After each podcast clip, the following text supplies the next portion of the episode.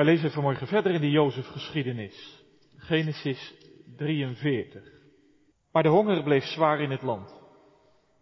En het gebeurde dat ze het koren dat ze uit Egypte meegebracht hadden, opgegeten hadden, dat hun vader tegen hen zei, keer terug en koop voor ons wat voedsel. Toen zei Juda tegen hem, die man heeft ons nadrukkelijk verzekerd, u zult mij niet meer onder ogen komen, tenzij uw broer bij u is. Als u onze broer met ons meestuurt, dan zullen wij vertrekken en voedsel voor u kopen. Maar als u hem niet meestuurt, zullen wij niet gaan. Want die man heeft tegen ons gezegd, u zult mij niet meer onder ogen komen, tenzij uw broer bij u is. Toen zei Israël, waarom hebben jullie mij kwaad gedaan door die man te vertellen dat jullie nog een broer hebben? Daarop zeiden ze, die man vroeg nadrukkelijk naar ons en onze familiekring. Leeft uw vader nog? Hebt u nog een broer? En daarom hebben we het hem overeenkomstig de woorden, die woorden verteld. Konden wij soms weten dat hij zou zeggen, breng uw broer mee. Toen zei Juda tegen Israël zijn vader, stuur de jongen met mij mee. Dan zullen we opstaan en op weg gaan, zodat we in leven zullen blijven en niet zullen sterven, wij niet, u niet en onze kleine kinderen niet. Ikzelf zal borg voor hem staan, van mij mag u hem opeisen, als ik hem niet bij u terugbreng en hem voor u plaats, dan sta ik alle dagen schuldig tegenover u. Want als wij niet geaarzeld hadden, dan waren ze we zeker al twee keer terug geweest. Toen zei Israël hun vader tegen hen, als het zo gesteld is, doe dan dit. Neem van het beste van dit land in jullie zakken mee en geef dat die man als geschenk, wat balsem, wat honing, specerijen, meren, pistachenoten en amandelen. En neem een dubbel bedrag aan geld met jullie mee en neem ook het geld dat boven in jullie zakken eh, teruggekomen is, weer met jullie mee terug. Misschien was het een vergissing. Neem ook jullie broer mee. Sta op en ga terug naar die man. God, de Almachtige, geven jullie barmhartigheid in de ogen van die man, zodat hij jullie andere broer en Benjamin met jullie terug laat gaan. En wat mij betreft, als ik van kinderen beroofd word, dan word ik maar van kinderen beroofd.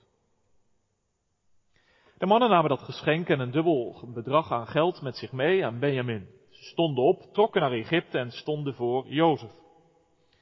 Toen Jozef Benjamin bij hen zag, zei hij tegen degene die over zijn huis ging, breng deze mannen naar mijn huis, slacht vee en bereid het, want deze mannen zullen vanmiddag met mij eten.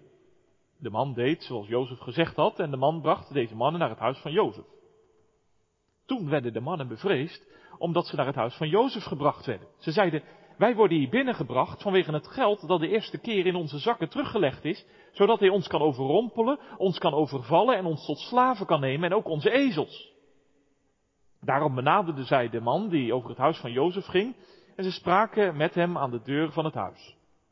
Ze zeiden, och mijn heer, wij zijn de eerste keer alleen maar gekomen om voedsel te kopen.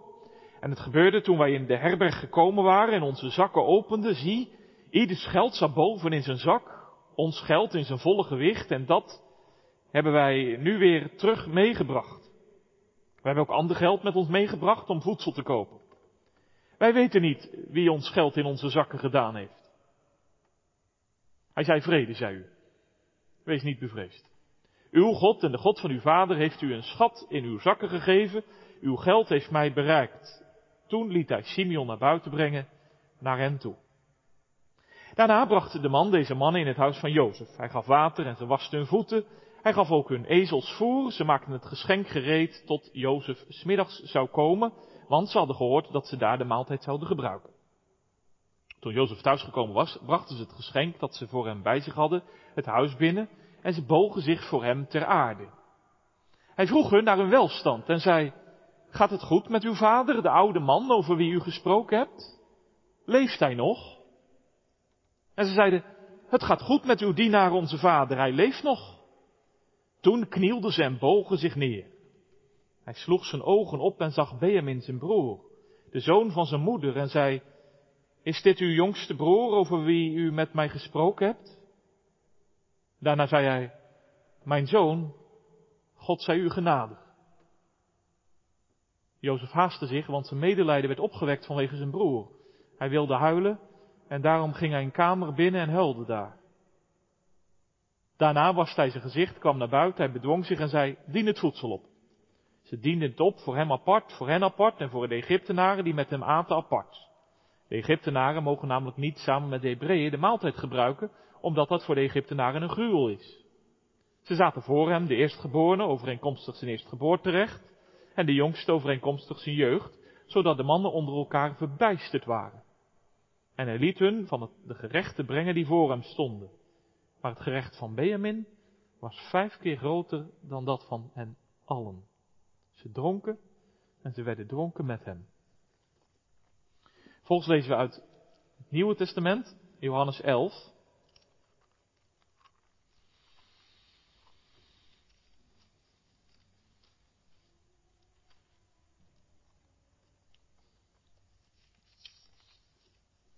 Vanaf vers 32.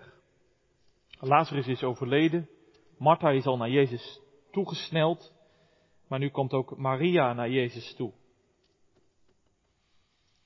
Zodra dan Maria kwam waar Jezus was en hem zag, viel zij aan zijn voeten en zei tegen hem, Heere, als u hier geweest was, zou mijn broer niet gestorven zijn. Toen Jezus haar dan zag huilen en ook de Joden die met hem meekwamen, zag huilen, werd hij heftig bewogen in de geest en raakte innerlijk in beroering. En hij zei, waar hebt u hem gelegd? Ze zeiden tegen hem, Heere, kom het zien. Jezus weende. De Joden dan zeiden, zie hoe lief hij hem had. En sommigen van hen zeiden, kon hij die de ogen van de blinde geopend heeft ook niet maken dat deze niet gestorven was? Jezus dan opnieuw heftig bewogen in zichzelf kwam bij het graf. Het was een grot en er was een steen opgelegd. Jezus zei, neem de steen weg. Martha, de zuster van de gestorvene, zei tegen hem, Heere, hij ruikt al, want hij ligt al hier voor de vierde dag. Jezus zei tegen haar, heb ik u niet gezegd dat u, als u gelooft, de heerlijkheid van God zult zien? Ze namen dan de steen weg waar de gestorvene lag. En Jezus hief de ogen omhoog en zei, Vader, ik dank u dat u mij verhoord hebt. En ik wist dat u mij altijd verhoort, maar ter wille van de menigte die om mij heen staat, heb ik dit gezegd, opdat ze geloven dat u mij gezond hebt. En toen hij dit gezegd had, riep hij met een luide stem, Lazarus, kom naar buiten. En de gestorvene kwam naar buiten, gebonden aan handen en voeten met grafdoeken, en zijn gezicht was omwonden met een zweedoek. Jezus zei tegen hen, maak hem los en laat hem weggaan. Velen dan van de Joden die naar Maria toegekomen waren en gezien hadden wat Jezus gedaan had, geloofden in hem. Maar sommigen van hen gingen naar de Fariseeën en zeiden tegen hen wat Jezus gedaan had. Dit is het woord van God. Spits van de preek ligt in Genesis 43, vers 14 en 30. 14 en 30. Jacob zegt, God de Almachtige geven jullie barmhartigheid in de ogen van die man, zodat hij jullie andere broer en Benjamin met jullie terug laat gaan. En wat mij betreft, als ik van kinderen beroofd word, dan word ik van kinderen beroofd. En het dertigste vers, Jozef haastte zich, want zijn medelijden werd opgewekt vanwege zijn broer. Hij wilde huilen en daarom ging hij een kamer binnen en huilde daar. De Almachtige geeft barmhartigheid. De Almachtige geeft barmhartigheid, dat is het thema van de preek. Gemeente hier en eh, ook thuis. Als God almachtig is. Dat is de opening van een bekende vraag.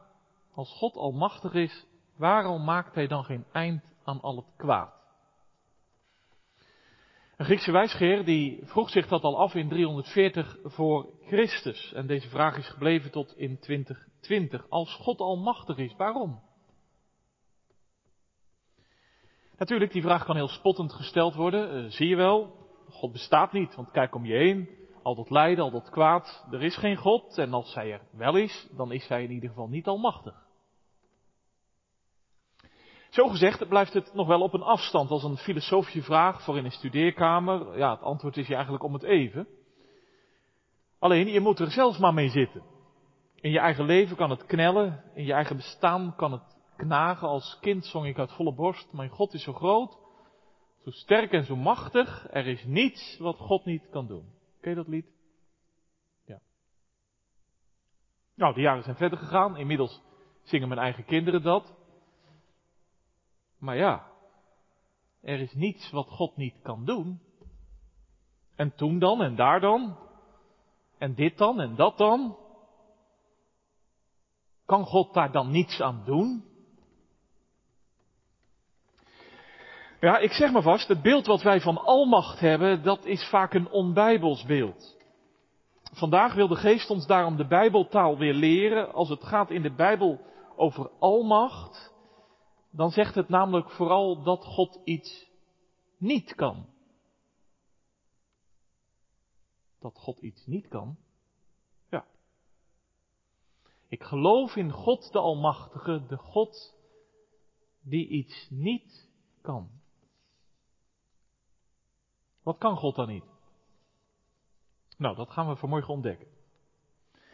Want midden in alle pijn en gedoe, uitgerekend dan, zegt Jacob, de Almachtige God. Hoe kan dat nu? De honger in Canaan houdt niet over.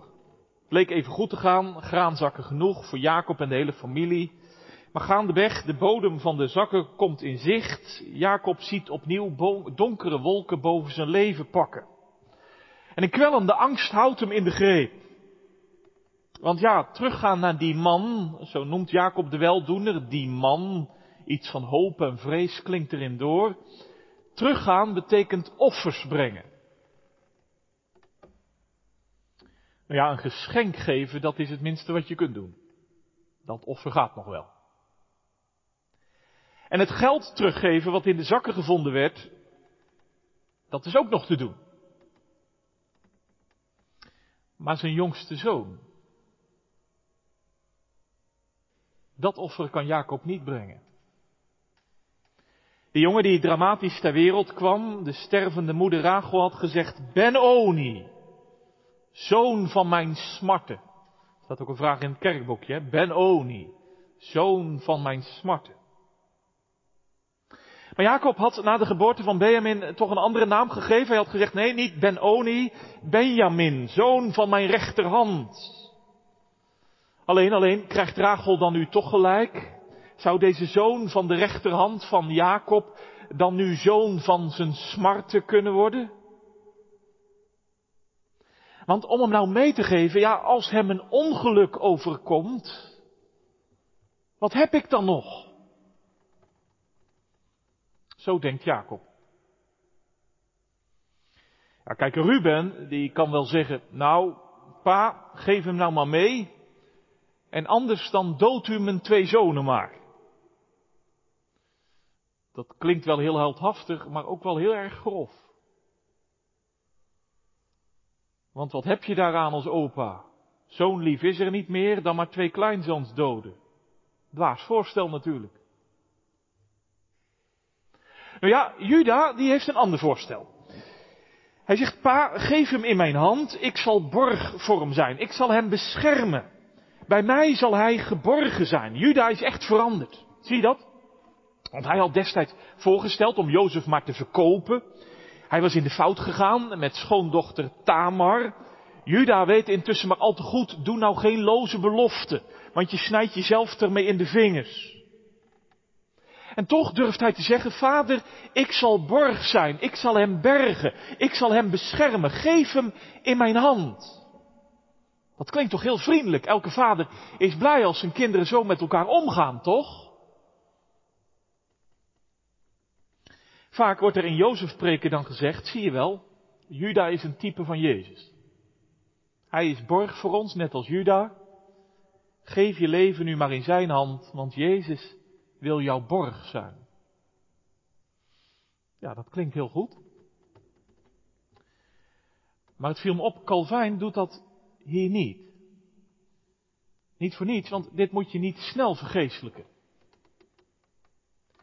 Ik bedoel, Jacob weet in dit gedeelte wel beter. Die handen van Juda, zijn die eigenlijk wel sterk genoeg?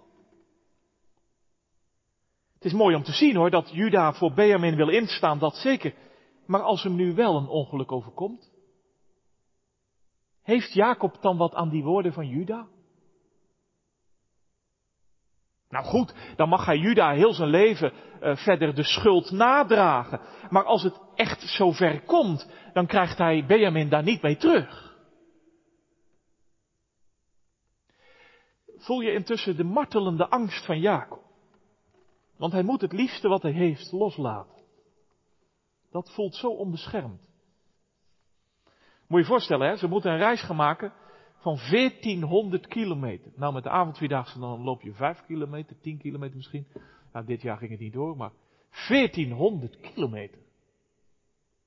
En tijdens die 1400 kilometer durende reis is er geen contact mogelijk met Jacob. Hè? Ze kunnen geen app sturen, er is geen telefoon, er is geen mail, niets. Jacob moet alleen achterblijven, zelfs zonder de zoon van zijn rechterhand.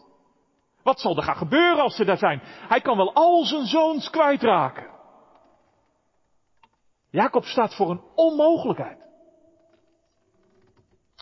Nee, neem dat Jacob nou niet kwalijk. Sommige um, uitleggers die nemen het Jacob heel erg kwalijk. Die zeggen, ja, dat moet je zien. Hij, hij stelt zo'n vertrouwen. Hij is eigenlijk afgodisch bezig, want hij stelt zoveel vertrouwen op zijn kinderen. Dat mag niet, dat mag niet. Nou ja, nou ja, ik weet zelf niet wat het is. Maar iemand die een kind verloren heeft, nou, die zal die angst en zorg van Jacob misschien maar al te goed begrijpen. Dit nooit meer. Dat verdriet kan ik niet nog een keer dragen. Voel je? Maar ja, niet gaan naar Egypte, dat is ook geen optie meer. Want niet gaan, dat is doodgaan. Zo rauw als het klinkt. Jacob moet echt alles uit handen geven. Alleen in wiens handen? In de handen van Ruben, in de handen van Juda, in de handen van de broers. Stil, hoor. In de handen van de Almachtige God.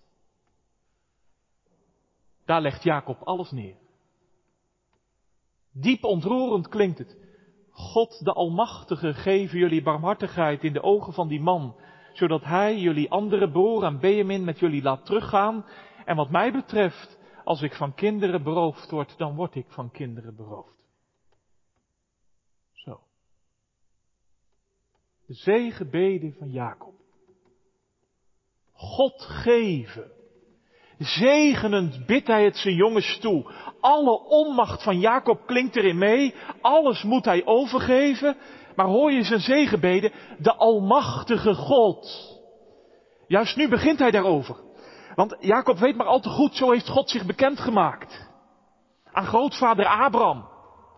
Ik ben God de Almachtige. Wandel voor mijn aangezicht. Genesis 17.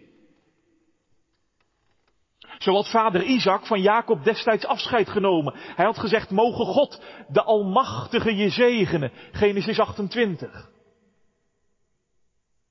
En zo had God tot Jacob zelf gesproken. Hij had gezegd, Jacob, ik ben God de Almachtige. Genesis 35.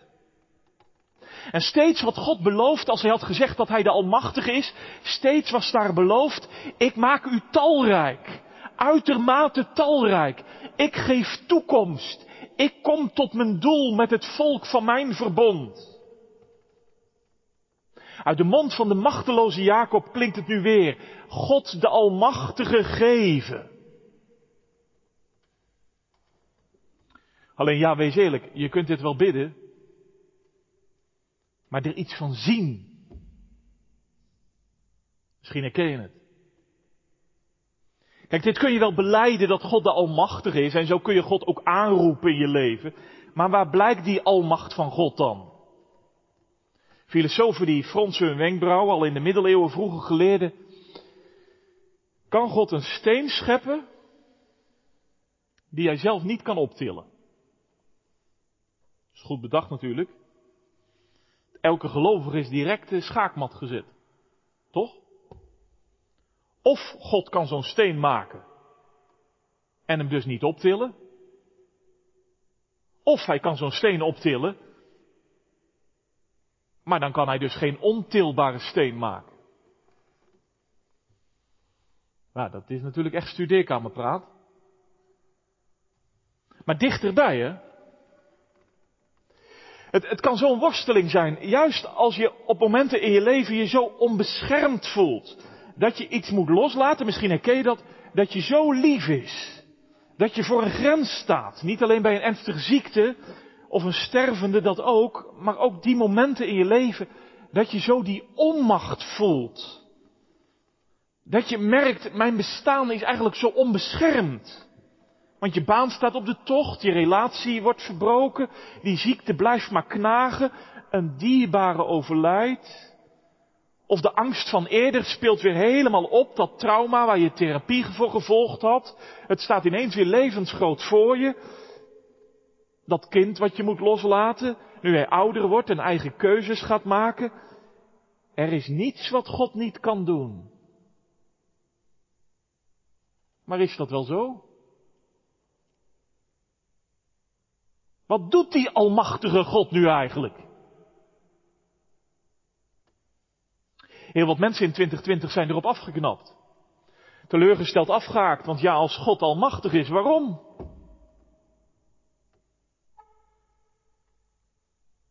Alleen kijk nou eens naar Jacob.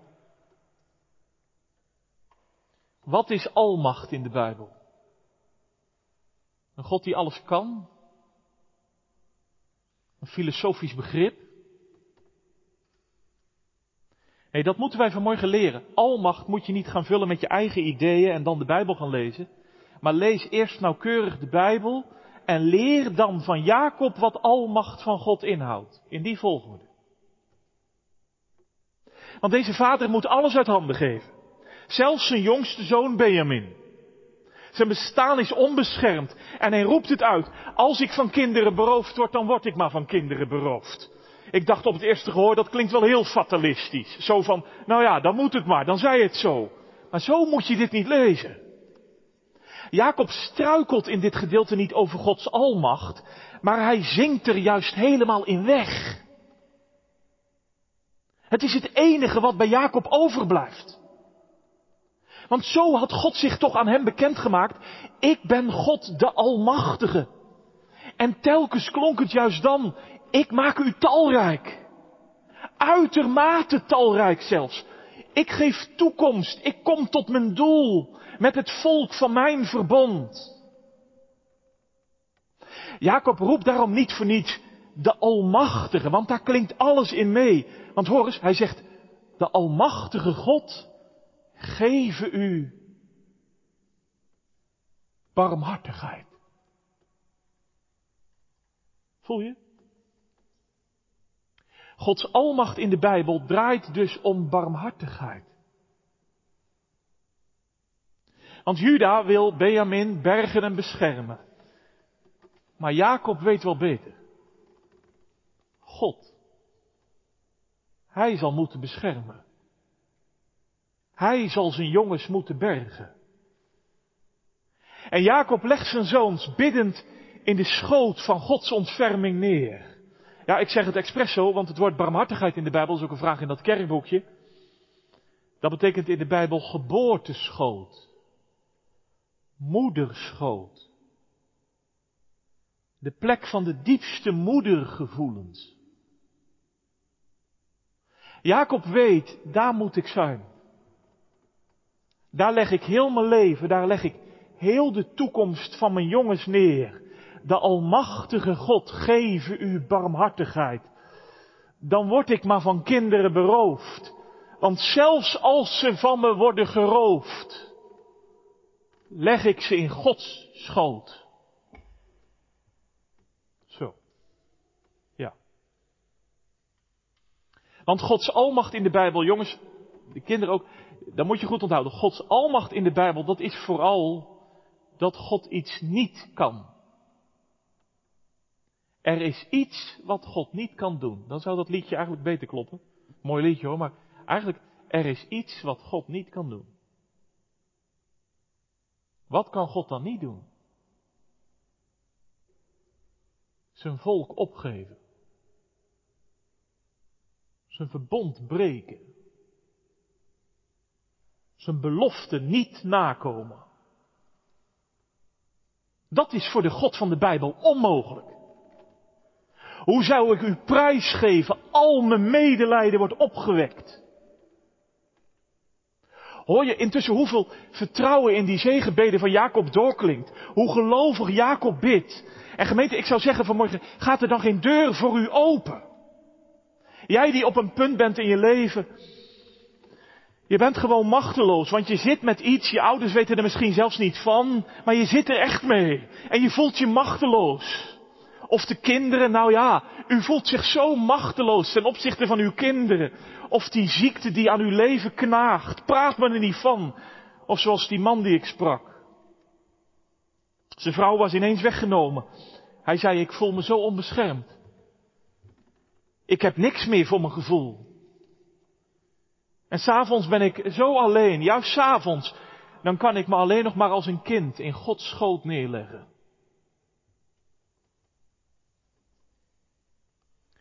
Nou zeg je maar dan.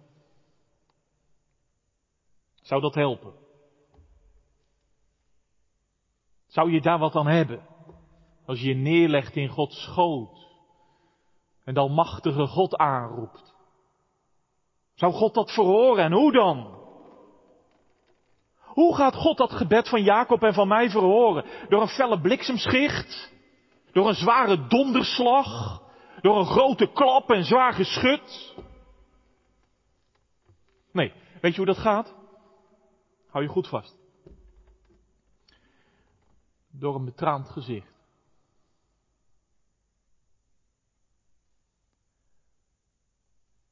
Daarin wordt Gods almacht zichtbaar.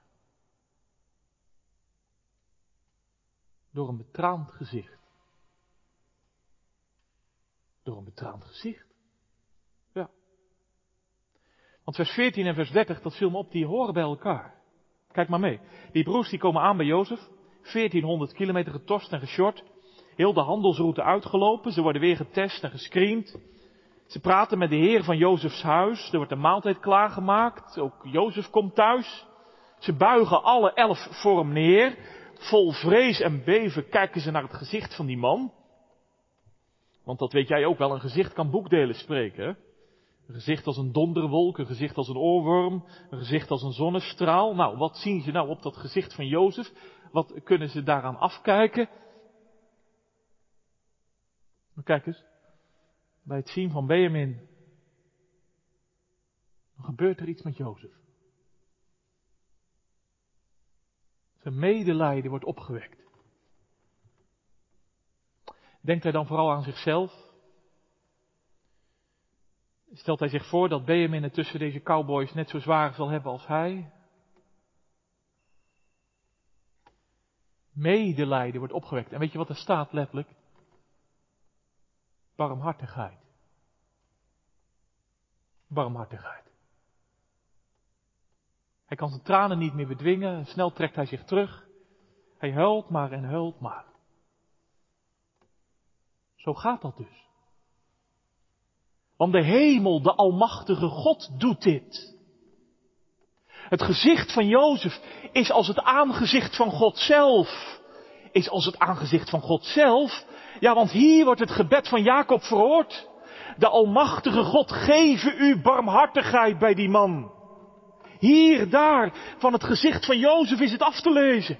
Gods almacht, zijn barmhartigheid. Het wordt bewezen aan de broers via Jozef. Hij krijgt medelijden, zijn diepste gevoelens worden aangeraakt. Nee, nee, nee, denk daar nou niet te soft over, hè. Want dat gaat door schrik en beven heen.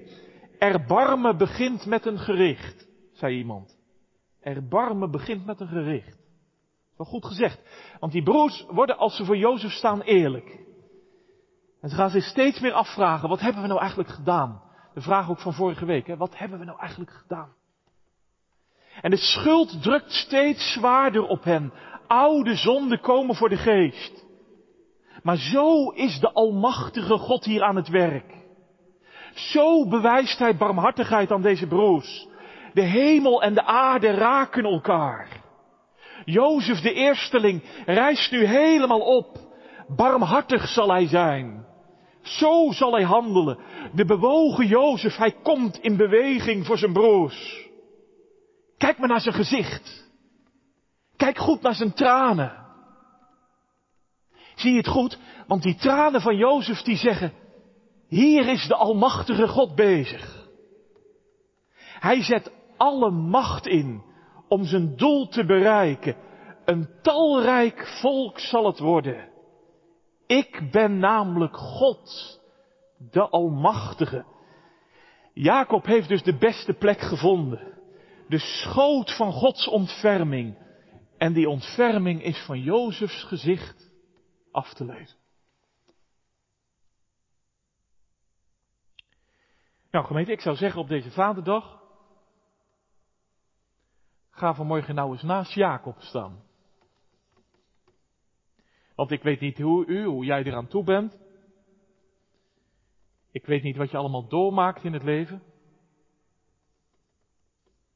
Maar dat onbeschermd bestaan van ons. Ja, ons leven is wel echt onbeschermd. Hè? In deze crisistijd merk je, dat, ja, er zit ergens. Ja. En op bepaalde momenten in het leven, dan kan het zo machteloos voelen. Het kan ook zo'n worsteling zijn, juist op momenten dat je bestaan zo onbeschermd is. Dat je iets moet loslaten wat je zo lief is. Dat je voor een grens komt te staan. Niet alleen bij een ernstige ziekte of een stervende, dat ook. Maar die momenten in je leven, haal het eens even voor de geest. Dat je zo de onmacht voelt knagen. Dat je merkt, mijn bestaan is eigenlijk zo onbeschermd. Want je baan staat op de tocht, je relatie wordt verbroken, een dierbare overlijdt. Die angst van eerder speelt weer helemaal op. Je dacht dat je trauma verwerkt had, maar het staat ineens, ondanks de therapie die je had, weer levensgroot voor je. Of dat kind wat je moet loslaten, want het gaat eigen keuzes maken in het leven. Wat doe je dan op die momenten? Wat doe je op zulke momenten? Denk je dan vooral zelf je macht te moeten inzetten? Of knap je af op het geloof in een almachtige God? Ja, dat gebeurt veel en vaak, juist vandaag. Maar dat zeg ik één keer in deze dienst. Maar dan is er geen schoot van ontferming voor je. Dan sta je pas echt onbeschermd in het leven. En ook in het sterven. Maar gaat er hier dan vanmorgen geen deur open? Ga nou met al die machteloosheid, ga nou eens naast Jacob staan. En bid het met hem mee. Leg je machteloos en onbeschermd als je bent. Neer vanmorgen bij hem. De Almachtige God geven. Hé, hey, hoor je dat? Hij geven. Dus Jacob wist het al terwijl hij bad. Hij geven barmhartigheid. Hij geven een schoot van ontferming. Waarin je met je machteloos en onbeschermde bestaan rusten mag. Zeg eens, zou je het niet weer gaan bidden? Misschien ben je het verleerd en bid je de laatste tijd helemaal niet meer, want je bent zo machteloos. Maar zou je niet gaan bidden vandaag en zeggen, Almachtige God, geef barmhartigheid. Ja, wees eerlijk, dat bidden, dat, dat doe je intussen hopelijk wel anders dan eerder. Want almacht in de Bijbel is dus geen kille macht, geen wilde en ijzeren dictatormacht, waardoor in één klap alle kwaad uit de wereld en uit mijn leven wordt weggemaaid.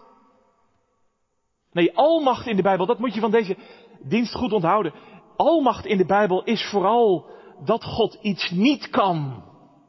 Er is iets wat God niet kan doen zijn volk opgeven. Zijn verbond breken. Zijn belofte niet nakomen. Dus bidden en zeggen, Almachtige God, dat is in je machteloosheid God aanspreken op wat hij niet kan. Zijn volk opgeven. Zijn verbond breken, zijn belofte niet nakomen. Want ik geloof niet in de almachtige, onbewogen God, Nee, gemeente, ik geloof in God, de Almachtige Vader. Van wie? Van Hem in wiens aangezicht ik vanmorgen kijken mag. Jezus Christus. Zeg eens eerlijk, durf je vanmorgen in dat aangezicht van Jezus Christus te kijken? Onbeschermd als je misschien bent. Je baan staat op de tocht, je relatie. Een dierbare, die angst van eerder. Dat kind wat je los moet laten. Het voelt zo onbeschermd. Ik heb niks meer voor mijn gevoel. En s'avonds, dan voel ik me vooral zo alleen. Oh. Roep dan de Almachtige God aan. Leg je machteloos neer in de schoot van Gods ontferming. Net als Jacob. Ja, zeg je me dan? Zou dat helpen? Zou ik daar iets aan hebben? Zou God dat verhoren en hoe dan? Hoe gaat God dat gebed van mij dan verhoren? Door een felle bliksemschicht? Door een zware donderslag? Door een grote klap en zwaar geschut? Nee. Door een betraand gezicht.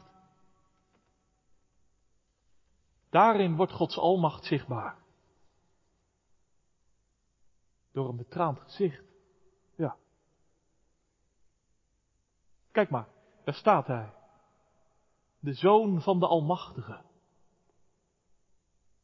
Hij staat midden in dat onbeschermde bestaan van ons. En hij voelt het aan de lijf. Lazarus, zijn vriend, is gestorven. Zijn zussen zijn verscheurd van verdriet. Jezus komt. Maar kijk eens.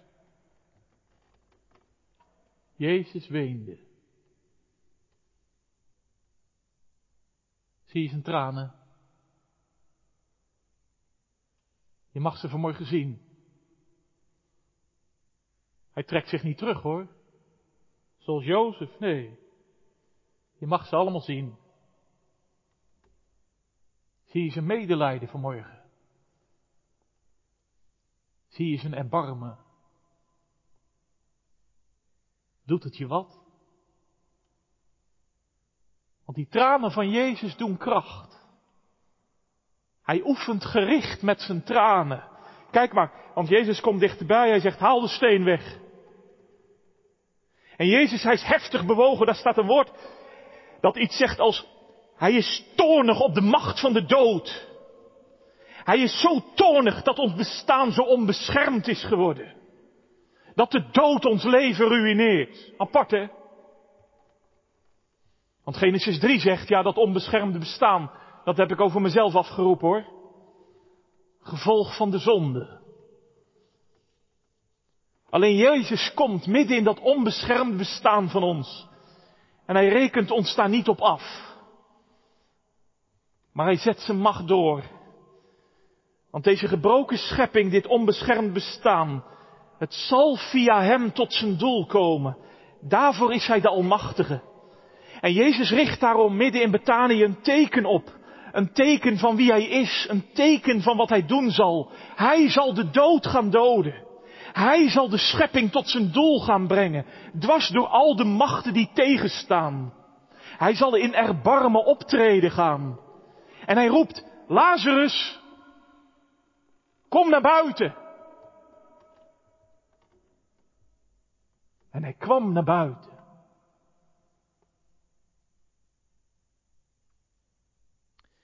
En gemeente, ik hoop niet dat je nu zegt, zie je wel, daar wel hè. Maar in mijn leven dan? Er is niets wat God niet kan doen. Oh ja, en toen dan en daar dan? En dit dan en dat dan? Kon God daar, niet, dan, daar dan niets aan doen? Ik hoop niet dat je dat nu opnieuw zegt, want ook Lazarus is weer gestorven. Misschien wel als eerste opnieuw. Alleen in zijn opstanding is het teken gegeven vandaag voor u en voor jou. Het teken van wat? Dat God iets niet kan doen. Zijn volk opgeven. Zijn verbond breken. Zijn belofte niet nakomen. Daarom gemeente, ik weet niet hoe u eraan toe bent. Ik weet niet wat je allemaal doormaakt. Maar dat onbeschermd bestaan van ons. Op bepaalde momenten in het leven kan het voor jongeren en voor ouderen, dacht ik, zo machteloos voelen in het leven. Ik dacht dat iedereen daar wel iets van kent, toch? Op bepaalde momenten kan het in je leven zo machteloos allemaal voelen. Maar het geloof legt zich neer, juist dan, in de schoot van Gods ontferming. Nee, mijn vragen zijn daarmee niet allemaal weg. En mijn aanvechtingen zijn daardoor ook niet allemaal verdwenen. Maar het komt goed. Dat wil ik vanmorgen zeggen. Voor alle die van Christus geworden zijn, mag ik vanmorgen zeggen, het komt goed, gemeente. Het komt goed. Het komt goed. Het komt goed. Wie vanmorgen gelovig heeft gekeken naar het betraande gezicht van Jezus, die mag dat weten. Want de Almachtige God, die zal in het leven van alle die van Hem zijn, zijn doel bereiken. Daar zal Hij alles voor doen. En daarom leg ik mij vanmorgen biddend in de schoot van Gods ontferming neer. Jij ook? En ik bid, Almachtige God, geef aan mij en mijn kinderen barmhartigheid. En ik beleid vanmorgen, midden in al mijn aanvechtingen en raadsels, ik beleid het toch en juist. Ik geloof in God, de Almachtige Vader van onze Heer Jezus Christus. Amen.